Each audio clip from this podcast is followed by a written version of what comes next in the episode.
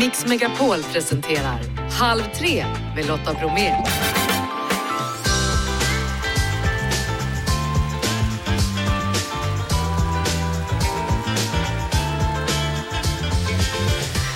Varmt välkomna in i Halv tre-studion i dagens mix Elov och Beni, epapopens okrönta kungar, nu ska de erövra Mello. Och apropå Melodifestivalen, dess okrönta drottning, låtdrottning Ingela Pling Forsman är dagens gäst. Ni hör också om en av Sveriges genom tidernas mest hemliga person. Vi har glada budskap om elen och vi snackar med Birgit som löper en mil om dagen. Martin Appel berättar om lås i mobilen i vår tisdagsteknik och dagens vinnarfamilj som ska med på Mix Megapols fjällkalas, det hittar vi i Lappland. Hörni, nu kör vi! Nu ska vi välkomna duon Elov och Benny till Halv tre med Lotta Bromé. Den här duon har ett flertal hits, inte minst då Bubbel på balkongen som har streamats mer än 24 miljoner gånger på Spotify och hjälpt till att sätta epadunk på kartan. Välkomna hit! Tack så mycket. Tackar, tackar. Ja, alltså epadunk det är ju ett av orden då eh, på nyordslistan 2022. För den som inte vet, vad är det för något? Det är väl, eh, rent formellt så är det väl liksom musik som spelas ur en bil och dånar ut över gator och torg. Eh, men det har ju funnits den här stilen länge. Man kallats för liksom fjortisdunk eller russemusik och sånt. Okej, Men är, det, är det alltså musik som kommer från blöjraggare? Säger jag som är från Skövde och är van vid att åka bilar. blöjraggare, vad är det? Ja, det är när man har en liten bil, man har gjort om liksom en Volvo till exempel och låtsas att det är en, en riktig bil. Ah, jag fattar. Ja, just det. Mm, epor. epatraktor, ja. precis. Jo, men det är väl det som är eh, samlingsnamnet. Sen så tror jag att eh, raggare och liksom sådana som åker raggarbil och sånt också lyssnar på genren, liksom, Mm. epadunk. Och nu ska ni göra debut i Mello, hur känns det?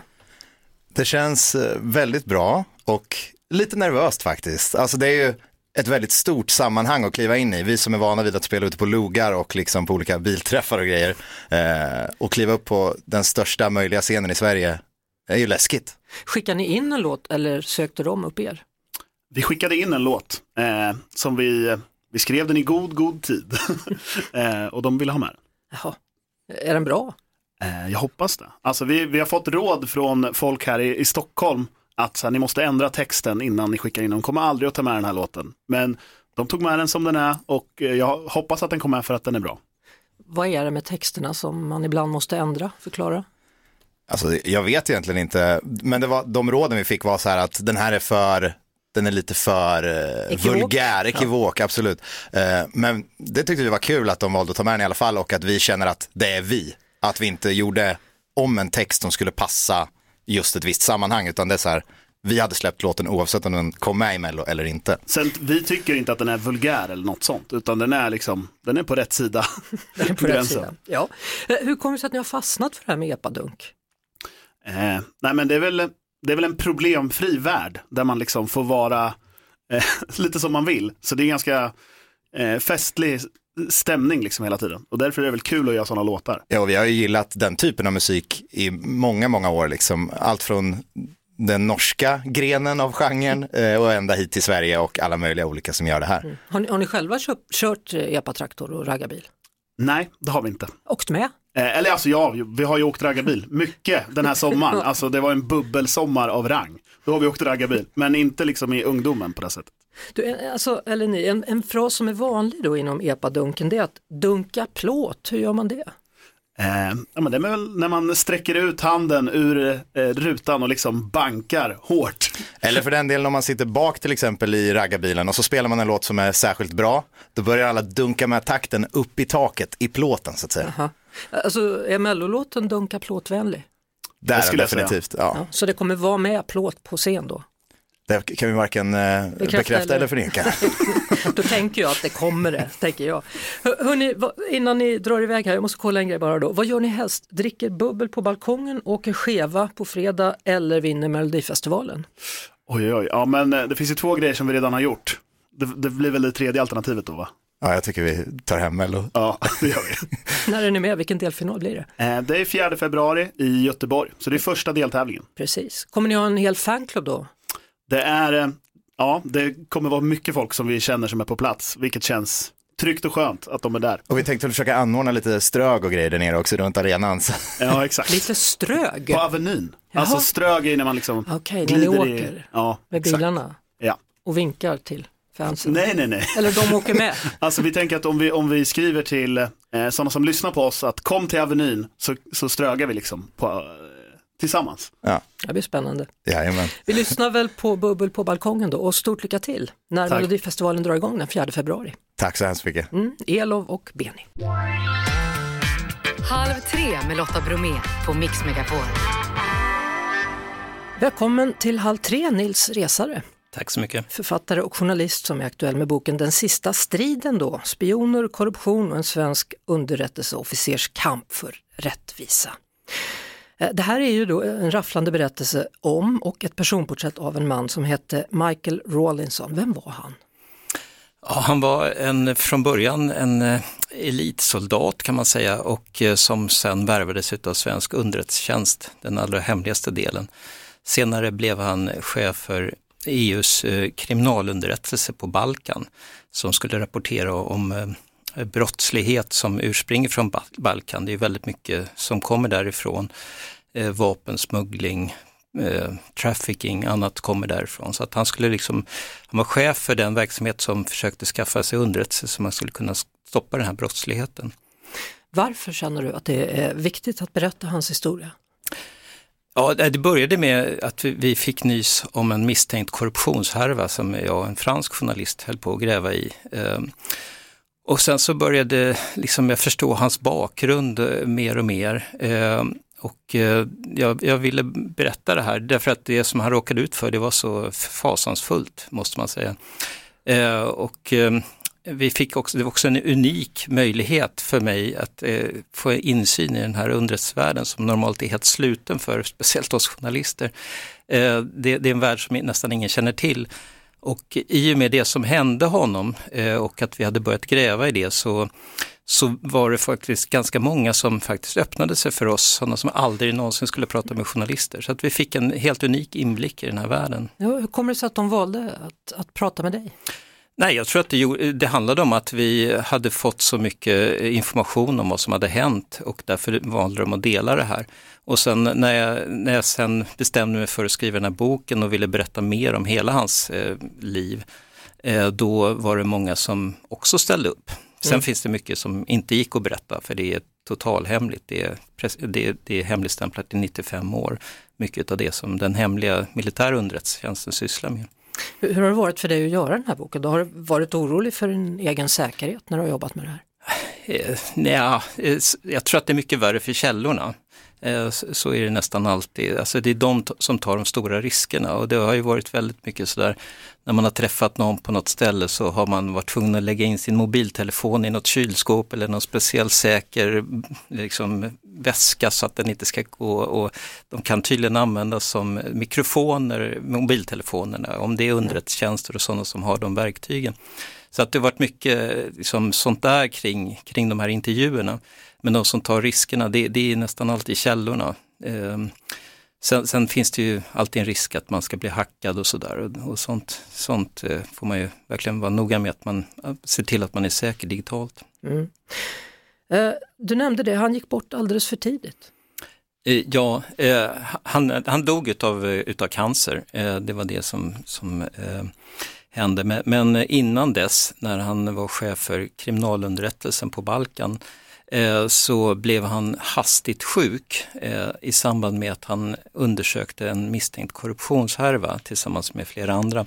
Eh, och efter det så bröts hans kassaskåp upp och man tog eh, i princip allt bevismaterial som, som fanns där. I det här kassaskåpet fanns det också hemlig underrättelseinformation från flera olika EU-länder, bland annat Sverige. Eh, vi vet inte vad som hände med, med den här informationen överhuvudtaget, mer än att det som handlade om eh, den misstänkta korruptionen, det försvann. Så vem tror du? Vi, vi vet vem som gjorde det. Eh, det var den italienska chefen för eh, e EUs eh, mission, utrikesmission i Kosovo som bestämde att det här skulle beslagtas. Samtidigt så avskedade han alla som hade haft någonting med den här korruptionsutredningen att göra.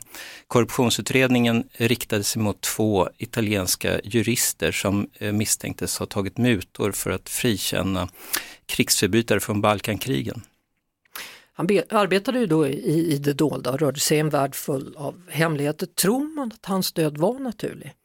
Alltså, eh, om man skulle göra en enkät bland de underrättelsepersoner som jag har träffat eh, så ungefär hälften tror att han blev förgiftad.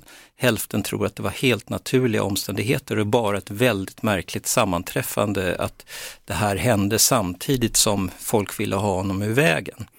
Eh, jag kan inte bevisa vare sig det ena eller det andra, eh, men eh, det intressanta är faktiskt, tycker jag, och det har jag skrivit om i boken också, att det, är så pass många som faktiskt tror att han blev förgiftad och på något slags James Bond-mässigt sätt.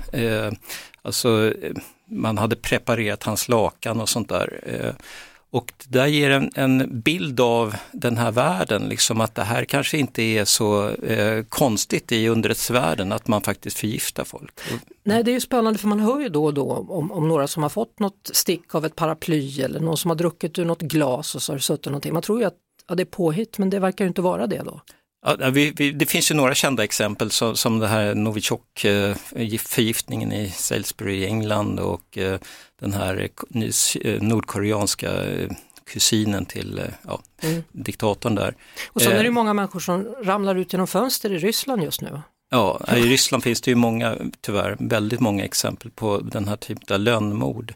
Eh, Men, men som sagt, jag, jag vet inte om det var det som var fallet här. Han, han hade också en cancerdiagnos som eh, kan ha gjort att han var försvagad och därmed mottaglig för de här, den här typen av mördarbakterier. Men, men sjukdomsförloppet var obehagligt och gick vansinnigt snabbt. Vilken situation har varit mest omskakande för dig när du skrev boken? Alltså det, det, var, det var en situation eh, just när, när Mikael dog. Eh, för jag, jag var, befann mig i Frankrike och jag blev uppringd av min kollega, min franska kollega som jag jobbar med. Eh, och han berättade att Mikael var död och det var precis, jag hade träffat Mikael precis innan och eh, vi hade kommit överens om att han skulle berätta detaljer om den här korruptionen för mig. Och min första tanke var att shit, vi har varit avlyssnade och någon har röjt honom i vägen.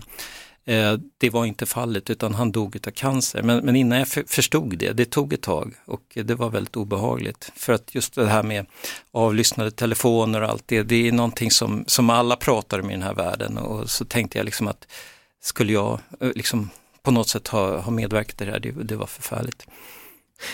Ja du, har du någon annan liknande historia på gång att skriva om eller vad händer dig framöver? Nej, jag är lite utmattad efter det här faktiskt. Det har tagit mig fyra år att få fram den här informationen. Eh, Men det, det här är en väldigt, väldigt spännande värld och eh, om det öppnar sig någon ny, eh, något nytt fönster här så, så är det klart att jag skulle vilja fortsätta och, förstå mer om den här världen. Du moder du. Det vet jag inte. Det, det är andra som tar riskerna, det är källorna som tar riskerna. Så det är de som, som är modiga. Tack så mycket för att du kom hit och berättade Nils Resare, författare och journalist alltså, om boken då Den sista striden. Tack. Det är mellotider och nu laddar vi och mellodrottningen Ingela Pling Forsman är en självklar gäst i Halv tre. Varmt välkommen hit! Tack snälla Lotta.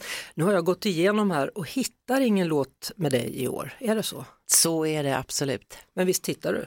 Ja, det är klart jag tittar. Vad är det som, som lockar dig med Melodifestivalen? Varför tycker du om att både skriva till den och titta på den? Nej, men det är ju ett stort event med ny musik, chansen att se nya artister. Ehm, och eh, har man tittat så länge och varit med så länge som jag så, så är det ju liksom i, i blodet på något sätt. 40 bidrag har det blivit hittills, eller ska jag säga blev det? Hur tänker du? Jag tänker att eh, det är nya tider och eh, jag ville upp det där 40-strecket innan jag kunde slappna av. Men jag stänger inga dörrar, men det känns ju ändå som att eh, det finns andra som eh, behöver stå där. Var det självklart för dig att börja skriva texter? Mm. Varför? Ja, jag lyssnade väldigt mycket på musik och jag tyckte att eh, jag ville också försöka skriva. Och sen när jag fick möjligheten så rullade det bara på och det var väldigt kul och är fortfarande väldigt kul. Du, allt sammans på ett sätt började i barnens brevlåda. Berätta om ditt möte med Sven Jerring. ja, eh, min mamma, hon tyckte att jag och min syster som är tre år äldre än jag, Annika, att vi skulle sjunga i barnens brevlåda. Hon, hon var själv sångerska och eh, hon satt där och kompade oss på piano när vi var små. Vi fick lära oss olika små sånger och eh, Annika sjöng Mamsen är du ledsen? Eh, och jag, jag var fyra år och jag sjöng Sätt dig på bocken, håll mig i rocken. Var det en egen låt? Nej. Nej, den finns. Finns den? Hur Ja. var den? Sjung. Sätt dig på bocken, håll mig i rocken så rider vi bort i galopp, galopp. Ja. Mm. Förstår du? Ja. Och då var jag så liten så då fick jag stå på en stol från och upp till mikrofonen. Och så fick jag två chokladbitar och 10 kronor. Det kommer jag ihåg. Av Sven Jerring eller av mamma? Av, eh, av Sven Jerring. Han delade ut choklad och pengar till barnen, var det så? Det där lät ju lite konstigt Jag men vet. kanske var någon studiovärdinna som gjorde det. Och så har du valts in då i Melodifestivalen Hall of Fame och Sveriges Music Hall of Fame. Ja, det stämmer. Betyder det någonting att bli invald i sådana sammanhang? Ja, det gör det definitivt, för det är ju liksom ett sätt att eh, visa att man har funnits. Man kommer ju inte att finnas för evigt såklart. Och då är det ju lite kul att eh, lämna efter sig något avtryck. Så det är stort. Första låten vi ska lyssna på kommer sig av att du en gång i tiden jobbade på skivbolag. Vi ska lyssna på Elvis, Are You Lonesome Tonight, men skrattversionen, berätta. Ja, Elvis var min första idol vill jag bara säga. När jag var åtta år tog jag med mig mormor på en film, King Creole, som var barnförbjuden. Men på Lilla Essingen där jag bodde fick man ta med sig mormor eller en stor människa så fick man se filmen. Och eh, ja, jag var jättekär i Elvis. Och eh, jobbade på skivbolaget och vi hade eh, fått en box ifrån RCA i USA med Elvis. Och vi lyssnade igenom den och så kommer den här låten då, Are you lonesome tonight, när han börjar skratta. Och jag skrattade när jag hörde den så att jag höll på att trilla av stolen måste jag säga. Och jag sa till min chef, den här måste vi få ut som singel.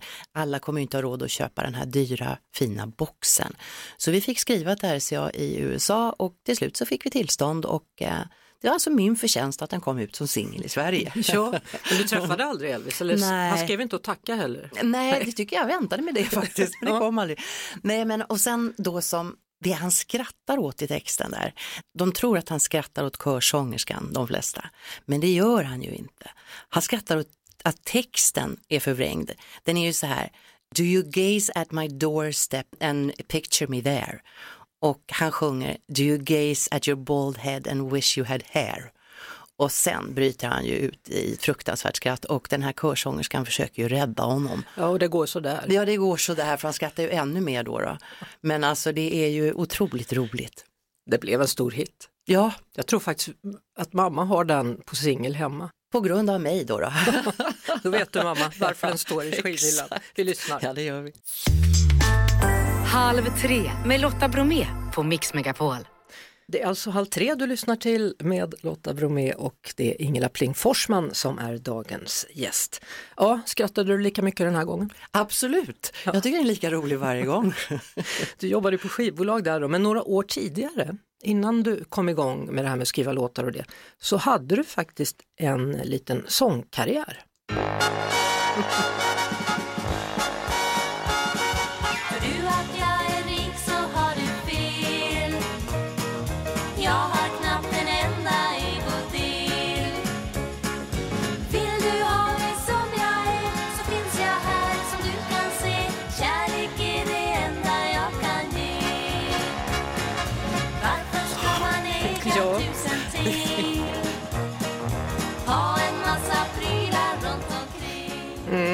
Vilken kupp.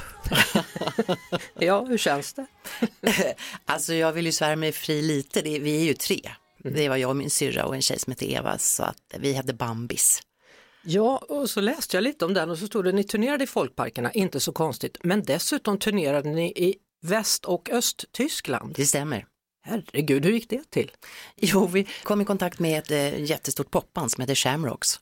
Och eh, via dem då så blev det en turné med oss och dem och en, eh, en diskjockey, så vi var ett helt paket. Så vi åkte runt i Tyskland och vi gjorde 21 spelningar på 23 dagar. Och vad var skillnaden tyckte du då mellan Väst och Östtyskland?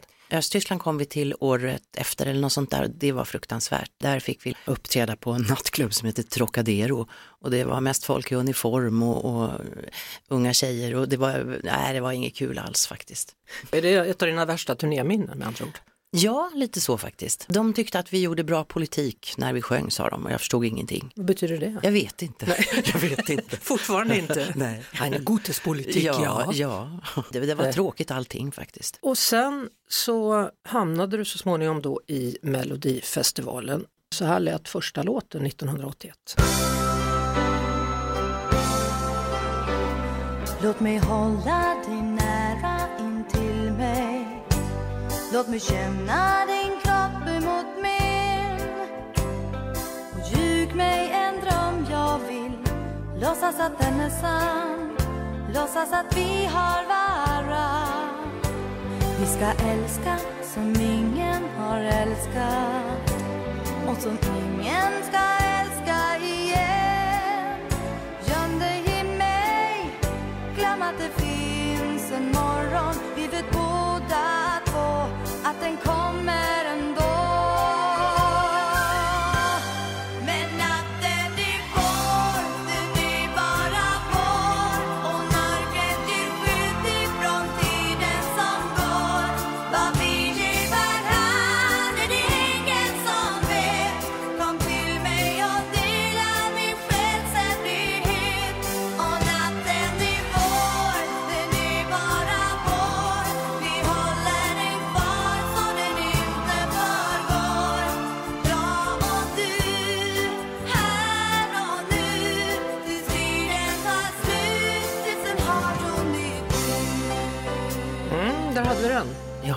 Natten är vår med Kiki. Moberg. Det hörs att du har skrivit den ihop med Agneta Fältskog. Ja, alltså Agneta är gudabenådad eh, kompositör också. Inte bara en, en fantastisk sångerska. Men vem var det som körade? Är det Agneta? Hörru du, jag var inte med på den här inspelningen så jag vet inte men det låter ju väldigt mycket Agneta Ja. där bakom. Och texten har ju du skrivit. Eh, Men, men man hör väldigt tydligt i harmonierna och i ackorden att det faktiskt är Agneta som har Ja, skrivit den. det gör man. Det gör man. Det var synd att inte hon sjöng den själv, men det ville hon inte. Vart tog Kikki Moberg vägen? Ja, det vet jag inte riktigt. Det var en tjej som skulle ha sjungit den från början som hoppade av 14 dagar innan. Så då söktes det med ljus och lykta och det var faktiskt Thomas Ledin som hittade Kikki Moberg. Och sen så kom hon och gjorde det här och sen försvann hon igen. Låten kom sist. Ja, det var fem låtar bara det året och den kom sist och det var fest hemma hos Stickan Andersson och det var alldeles tyst när Agneta och jag kom. så vi borde egentligen, eller jag borde egentligen lagt av. Men, men du gav dig inte utan sen skrev du vidare då. Ja, jag gjorde ju det. Och det blev ju en hel del då som vi har konstaterat, 40 låtar. Alltifrån ABC, Kall som is, Om igen, Nattens drottning, Se på mig, Kärleken är min kärlek, Jag ljuger så bra, I love Europe och så vidare. Och så vidare. Hur känns det att ha skrivit? För du pratade förut om att bli odödlig. Ja. Ja, låtarna är ju odödliga och du är ju del av dem. Ja, alltså de spelas ju fortfarande många av dem. Det tycker jag är fantastiskt med tanke på vilket utbud det finns idag. Det fanns ju inte riktigt där och då.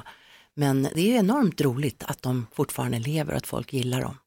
Och sen började då samarbetet med Lasse Holm. 80-talet blir ju eh, fantastiskt bra och så småningom ska det också då bli en musikal. Vi ska prata mer om det alldeles strax. Men först tänkte jag vi ska lyssna på Se på mig. Berätta om den. Den var ju inte tänkt för Jan Johansen utan han kom ju på fel tid till studion. Han skulle egentligen sjunga på en annan låt men när han ändå var där så fick han sjunga på den. Och det var ju ett lyckokast, verkligen. Jag skrev låten mest till min lilla son faktiskt, som då var fyra. Och eh, den låten har betytt så mycket för oss i min familj. Janne sjöng den på min mors begravning, på min sons bröllop och på mitt eget bröllop så citerades den av prästen då. då. Och den är liksom en, ja, en röd tråd genom mitt liv har det blivit. Och jag älskar den faktiskt. Jag är så himla glad att, att du kom hit för jag vet att du är mitt uppe i arbetet med en musikal som har premiär i slutet av september. Det stämmer. En Den har, riktig melodifestival. ja, den har premiär 22 september Musikal. på Nöjesteatern i Malmö. Det kommer bli ett lyckopiller. Med lite twist och, och sådär, att det vrider om i hjärtat. Men det ska det ju vara. Det har ju varit pandemi och så, så det har blivit lite fördröjt. För det här projektet har ju varit på gång ett tag. Då. Det är musik av Torgny Söderberg och Lasse Holm. Det är det ju, men det är eh, Monica Forsberg och jag som har skrivit texterna men sen är det även lite av Lena Philipsson och eh, Gert Längstrand och så. Vad handlar det om? Den handlar om en musiktävling faktiskt i en liten stad. Men det är många förvecklingar, den handlar om många olika saker. Grejen är ju den att vi har ju fått in vår stora låtskatt som vi trots allt sitter på. Och det som jag ser är så bra med den här musikalen är ju att folk kommer att känna igen typ varenda låt. Här kan ju folk sjunga med. Det är ett riktigt, riktigt lyckopiller. Det är det här vi kallar kärlek. Kommer det bli titeln? Ja, jag vände lite grann på Lasse Holms Är det det här du kallar kärlek? Och det tyckte han var jättebra, för det är ju någonstans det vi vill förmedla. Ingela Pling Forsman, stort tack för att du kom hit och ville vara med i Halv tre. Tack snälla för att jag fick komma, jätteroligt verkligen. Halv tre med Lotta Bromé på Mix Megapol. Att hitta motivationen till att ge sig ut och springa i dessa kalla tider det kan ju vara svårt, men inte för Birgit från Varberg. Hon springer minsann en mil om dagen och det har hon gjort nu i snart 30 år. Hallå Birgit! Hallå, hallå. Vad är det som är så härligt med att vara ute och springa? Ja, det är att få lite motion för kroppen och få frisk luft samtidigt och kanske en och annan eh, naturupplevelse Ja, upp till. Är det inte halt numera då, att springa just nu? Ja, inte för tillfället, men skulle det vara halt så finns det skor med ståldubbar så det är inga problem. Nej, alltså du har sprungit i 30 år. Hur gammal var du när du började? Ja, hur gammal var jag? Jag var nog lite över 30. Ja, 30, ja. Nej, jag, nej, jag har ju inte sprungit i en mil i 30 år. Det var ju först efter jag slutade jobba som det kunde bli så långa turer varje dag. Ja, men eh, det hela började väl eh, 75 har jag för mig att eh, då skaffade vi ett torp eh, ett par mil utanför stan och jag hade varit van att alltid springa eller gå till jobbet och tyckte jag att då, då fick jag ingen luft och ingen, inte röra mig när vi åkte bil till jobbet. Mm. Så då blev det att jag började springa och sen eh, 88 98 så skaffade vi hund och hunden skulle ha motion varje dag så då var det jag som tog på mig skorna och så sprang jag tillsammans med hunden. Ja. Och sen har vi haft hund i alla år och, och, och då har det ju blivit naturligt att man är ute varje dag. Är hunden kvar nu då eller har du överlevt honom eller henne? Mm, ja, det är den tredje jag är inne på nu. Ja, ja. inne på nu. Ja. Så alla är med ute och springer helt enkelt? Alla har varit med, ja. Jaha. Så den, den, den sista har väl varit med med ungefär i 3000 mil någonting. Men nu är hon så gammal så nu tycker hon att nu räcker det. Nu vill hon inte vara med längre. Nej, hur gammal är du då? Ja, jag blir 80. Och du tycker inte att, att du är för gammal för att springa, tvärtom? Nej, de säger ju att, åt, att äh, ålder är bara en siffra så jag Ja. tycker väl att då, då, då är det väl så då. Och 80 är det nya 40, är det inte så också till och med? Ja, det är väl så att de tycker, man tycker det att det, är, det är inte lika gammalt nu 80 som det var kanske för Nej. år sedan. Men om man då räknar på det här Birgit, då har du avverkat mer än två varv runt jorden då, över 8350 mil. Ja, det stämmer. Ja, har du rest något också eller? I ditt liv? Ja, det har jag gjort, men eh, under de resorna, semestrar och så, så har jag ju alltid stoppat ner joggingskorna och tagit mig en liten tur varje morgon där Ja. också. vad, vad har du för tips till de som drar sig lite för att ta sig ut och springa? Ja, man måste ju först och främst verkligen vilja att sätta igång och springa, annars är det, är det liksom inte... Man måste vara motiverad. Mm. Och har man väl motiva- motivationen så man kan inte börja, har man inte sprungit någonting så får man ju börja lite smått och, och ta en ras- rask promenad till att börja med och, och sen successivt bygga på och börja springa lite och, och så småningom så känns det naturligt att man springer en sträcka. Ja, så det är bara att öka på där allt eftersom. Ja, så har det varit. Nu har det ju så länge sedan jag började så jag har liksom inte tänkt så mycket på det. Nej, det kommer naturligt nu, du är ute och far varje dag där. Ja, det blir ju så. Ja, fortsätt lycka till med det då och tack för eh, tipsen. Man börjar smått och så ökar man helt enkelt Birgit. Exakt. Ja. Tack för det. Hej så Mm, länge! Tack ha. Halv tre med Lotta Bromé på Mix Megapol. Vi har ju flera gånger pratat om de stigande elpriserna, höga elräkningar och eventuell elbrist med Maria Erdman. Och med oss nu, än en gång då, VD på God El. Välkommen till Halv tre. Tack. Ja du, det verkar som att elräkningen inte kommer att bli lika hög i januari, är det så? Ja, men det stämmer faktiskt. Nu hade, fick vi en riktig chockräkning här för, jan, för decemberförbrukningen och elanvändningen. Men här i januari ser det ut att gå åt lite bättre håll. Alltså jag. Ja, jag har ju själv haft en hög eh, elräkning men jag har också vänner som har fått astronomiska elräkningar, typ på 80 000 kronor. Mm. Hur är det tänkt att de ska klara av det, en sån räkning? Ja, det utmanar helt klart. Eh, vi har ju elstödet eh, som, kom, som sägs betalas ut här nu med start i början på, eh, slutet på februari. Mm. Jag vet att Försäkringskassan kommer att ha en pressträff om det imorgon och då har vi lite mera information. Eh, sen är det ju att, jag kanske lite på sikt se över, är det så att man kan minska sin förbrukning? Eh, men självklart också eh, ta kontakt med ditt elbolag eller för den delen din bank eh, om det är så att man kan komma överens om någonting och se om man kan dela upp betalningen och så vidare. Mm. I vilka elområden ser priserna ut att bli lägst nu då framöver?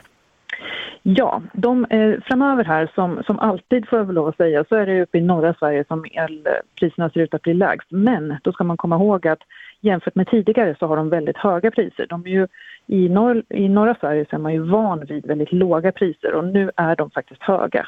Eh, det är också så, får man komma ihåg, att i norra Sverige så använder man ju oftast mer el. Man behöver ju värma upp sin bostad mer eftersom man har det kallare större delen av året. Ehm, Så att eh, det är lågt pris, men om vi tittar på kostnad så att säga så kan ju kostnaden fortfarande springa iväg eftersom man behöver använda mycket el. Mm. Det svåra är ju också för, för människor då, lantbrukare till exempel, eller människor som har stall med hästar i, där blir det ju liksom en hög elkostnad hur man än gör. Ja, ja. Så är det verkligen. Eh, och där, eh, om man då ser på lite längre sikt, har man möjlighet, om man har ett stort ladugårdstak till exempel, att installera solpaneler, då har man ju under sommarhalvåret ett väldigt bra bidrag från det. Dels för sin egen elförsörjning som man behöver, men kanske också för att man får ju betalt för den elen som man själv inte använder och det får man från sitt elbolag. Men det är ju självklart eh, förenat med en investering, ja. Mm. Vilka faktorer har spelat in nu då för att priset ska bli lägre här förhoppningsvis då? Ja, eh, jag skulle säga vädret på väldigt många olika sätt. Om vi börjar i Europa så är det ju varmare eh, och det kan man ju tycka är lite jobbigt att vi inte har eh, snö i Alperna eh, till följd av klimatförändringarna. Men det gör ju att man behöver inte använda lika mycket gas i Europa. Gasen och gaspriset vet vi påverkar de svenska priserna. Lagren är väldigt välfyllda fortfarande i eh, Europa på gas och det gör att priserna eh, mot oss också blir lägre. Mm. Men sen har det varit lite varmare också här i Sverige under december och man spår också att det kommer att vara ganska varmt efter årstiden de kommande månaderna och det gör ju också att vi håller ner. Men sen ska vi också komma ihåg att vi har ju sparat på elen. Vi har ju skruvat ner här under hela hösten och det verkar som att vi fortsätter att göra det och det gör ju att vi använder mindre el och då blir kostnaden, kostnaden lägre. Så det är väldigt många olika faktorer, men vädret då, om jag ska säga ett ord. Mm. Du, eh, hur stort hopp ska man göra här nu, glädjeskutt? Kommer det fortsätta i februari och framöver eller vad tror du? Ja, eh, de räkningarna som vi har sett nu för december, eh, de ser inte ut att eh, återupprepa sig så att säga. De kommer fortsatt vara höga, men som prognosen ser ut nu för januaris räkning, den som landar i början på februari, har vi kommit en bit in i den, det är att förbrukar man lika mycket i december som i januari så kommer räkningen ungefär vara hälften så stor. Och det är ju väldigt bra. Men man ska komma ihåg, det är fortfarande dyrt och det är väldigt dyrt om man tittar i ett histo- historiskt perspektiv. Tack så mycket Maria Erdman, VD på God El. Tack! Tekniktipset. Då var det dags för lite tisdagsteknik med Martin Appel, kul att se dig igen. Tack detsamma. Du, förra veckan så pratade vi om hur plånböckerna är på väg ut. Man kan välja att betala med mobilen istället. Men den andra prylen som vi har i fickan eller handväskan den går också faktiskt att ersätta med mobilen och då handlar det om nycklar och smarta lås. Smarta lås, det är helt enkelt ett vanligt lås till din ytterdörr men du öppnar det inte med nyckeln utan du öppnar det på något sätt i digital form istället. Du kan använda ett litet nyckelkort, typ den här taggen som många har till ytterdörren i huset eller till tvättstugan. Du kan också öppna dörren med hjälp av en sifferkod, ungefär som kassaskåp, att du slår en kod för att öppna den här dörren. Men det som är mest intressant, det är att du också kan installera en app i mobilen som gör att du kan låsa och låsa upp även när du inte är på plats och du kan låsa och låsa upp på distans. Så om man nu är en sån som undrar, låste jag dörren, så kan man gå in och checka det i mobilen. Då kan du checka det i mobilen och om du inte låste så kan du låsa i efterhand. Du behöver inte som jag gör ibland springa tillbaka till dörren för att verkligen rycka i den och kolla var den, var den låst eller inte. Men alltså vad har man för nytta av det här? För att gamla nycklar funkar väl ändå okej, eller?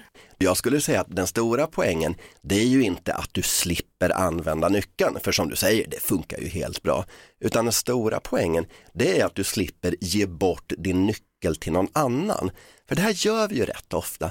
Det kommer hantverkare, man måste ge extra nyckeln till den. Det kommer en granne som ska vattna blommor. Man kanske har någon pojkvän eller flickvän som man träffar under en kort tid och som vill komma in i lägenheten. Och efteråt om man inser att det här kanske inte var en så bra tjej eller kille som man tänkte eller att den här hantverkaren kanske inte var jättehederlig.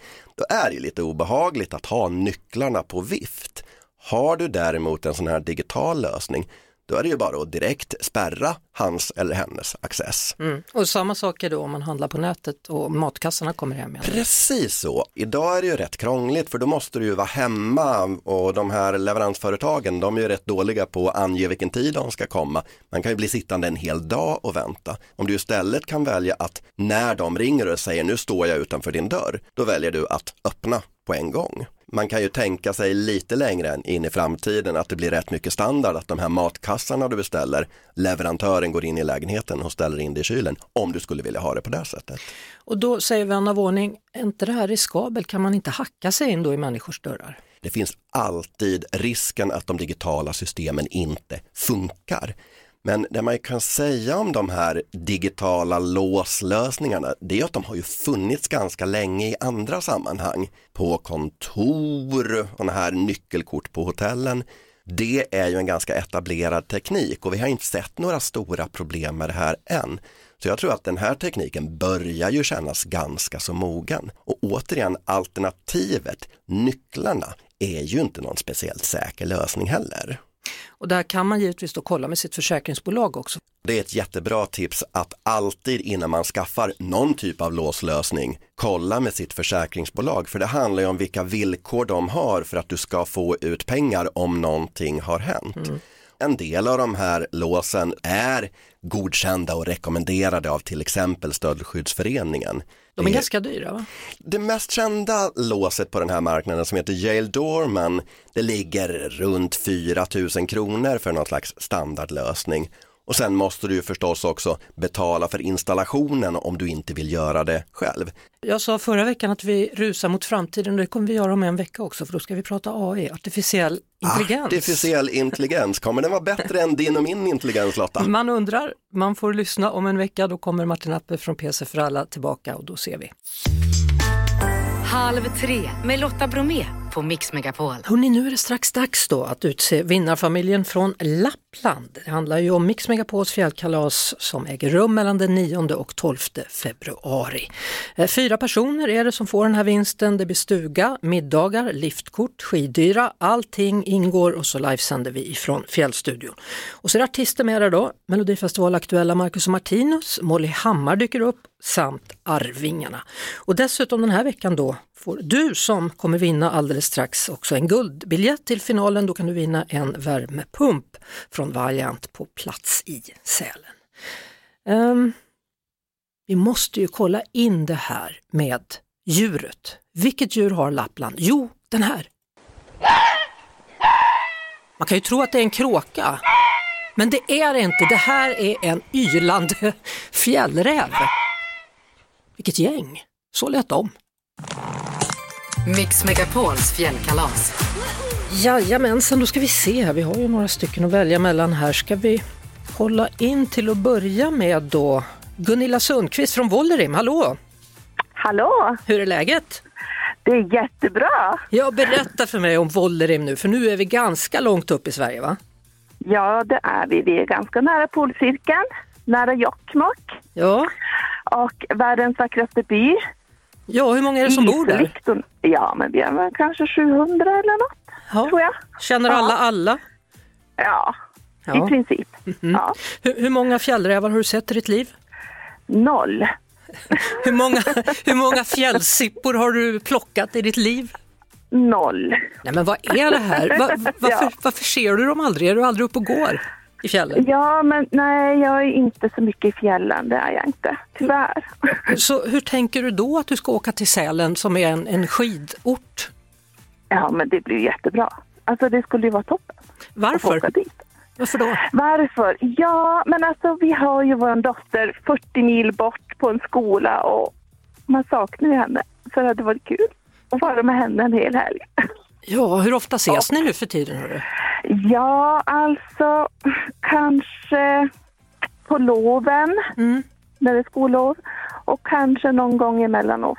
Men Ja. alltså det är inte så ofta nog längre. Nej, och vilka ska ni åka med då, du och, och Kajsa, dottern? Ja, vi tar ju med gubben min naturligtvis. Ja, Och så tänker jag att Kajsa får ta med en kompis. vad kul för henne, men får du, får du Ja. verkligen träffa henne då eller kommer hon hänga med sin kompis hela tiden tror du? Ja, men ibland får jag väl hänga med henne tänker jag. Ja, det finns ju frukost va? Ja, jag menar det. Mm. Och vi ska äta lunch och middag och grejer. Då. Ja, är, är du bra på skidor? Nej, Nej. Så det Nej. blir du och jag som sitter i baren eller? precis. Ja. Det är min plan. Det är din plan ja. Ja. Vet du vad, har du, Mm. har du några väskor att packa i eller hur har du det? Ja, alltså, ja, någon liten väska har jag väl. Ja, men om ni är fyra pers då, då måste ni nog ha fyra små väskor. Ja, ja det, så vi får väl lita upp någon. Får låna av någon kompis eller någonting. Ja, det är lika bra att du ringer och lånar med en gång då, för ni har vunnit. Ja. Har vi det? Ja, det har ni. Det var roligt. Stort grattis Gunilla! Tack så mycket. Tack så mycket. Då hälsar du till både Kajsa, kompisen och gubben Fredrik. Ja, det ska jag göra. Och stort grattis! Ja, tack så mycket. Det var det. Vi hörs såklart igen på Mix Megapol varje eftermiddag vid halv tre. Ett poddtips från Podplay. I fallen jag aldrig glömmer djupdyker Hasse Aro i arbetet bakom några av Sveriges mest uppseendeväckande brottsutredningar. Går vi in med hemlig telefonavlyssning och, och då upplever vi att vi får en total förändring av hans beteende. Vad är det som händer nu? Vem är det som läcker? Och så säger han att jag är kriminell, jag har varit kriminell i hela mitt liv men att mörda ett barn, där går min gräns. Nya säsongen av Fallen jag aldrig glömmer på Podplay.